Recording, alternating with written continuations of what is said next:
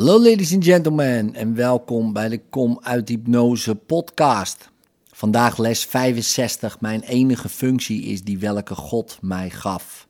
Het idee van vandaag bevestigt opnieuw je toewijding aan verlossing. Het herinnert jou er ook aan dat je naast deze geen andere functie hebt. Deze beide gedachten zijn voor een totale toewijding zonder meer noodzakelijk.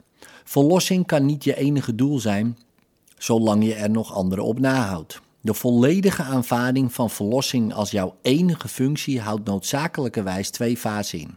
De erkenning dat verlossing je functie is en het loslaten van alle andere doelen die jij voor jezelf hebt bedacht.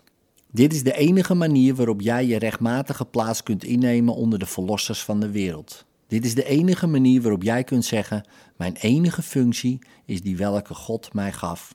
En het ook menen. Dit is de enige manier waarop jij innerlijke vrede vinden kunt.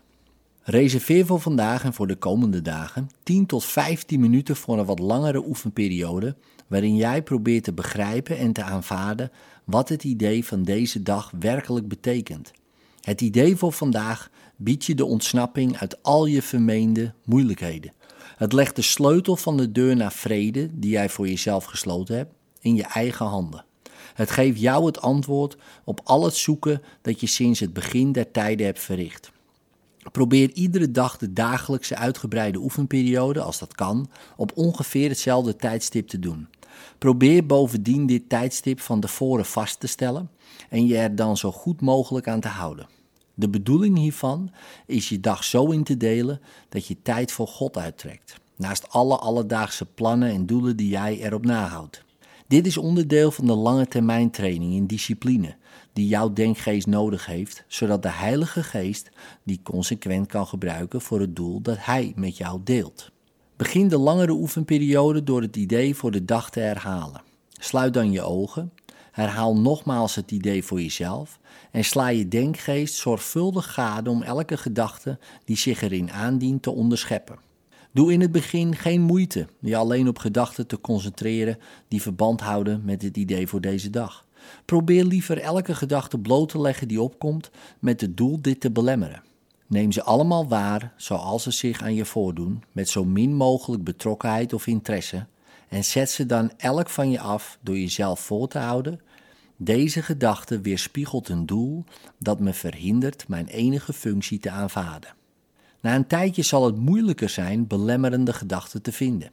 Probeer echter ongeveer een minuut langer door te gaan in een poging een paar van de loze gedachten te onderscheppen die tevoren aan je aandacht waren ontsnapt, maar forceer je daarbij niet en doe hiervoor geen buitensporige moeite. Zeg dan tegen jezelf: Laat voor mij op deze schone lei mijn ware functie geschreven worden. Je hoeft niet precies deze woorden te gebruiken, maar probeer het gevoel te krijgen dat jij bereid bent je illusoire doelen door de waarheid te laten vervangen.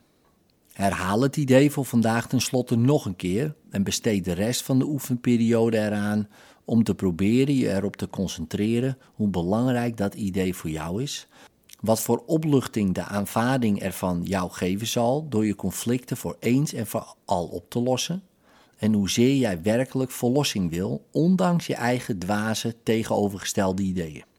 Gebruik bij de korte oefenperiode, die minstens één keer per uur dienen te worden gedaan, de volgende vorm bij het toepassen van het idee van vandaag. Mijn enige functie is die welke God mij gaf.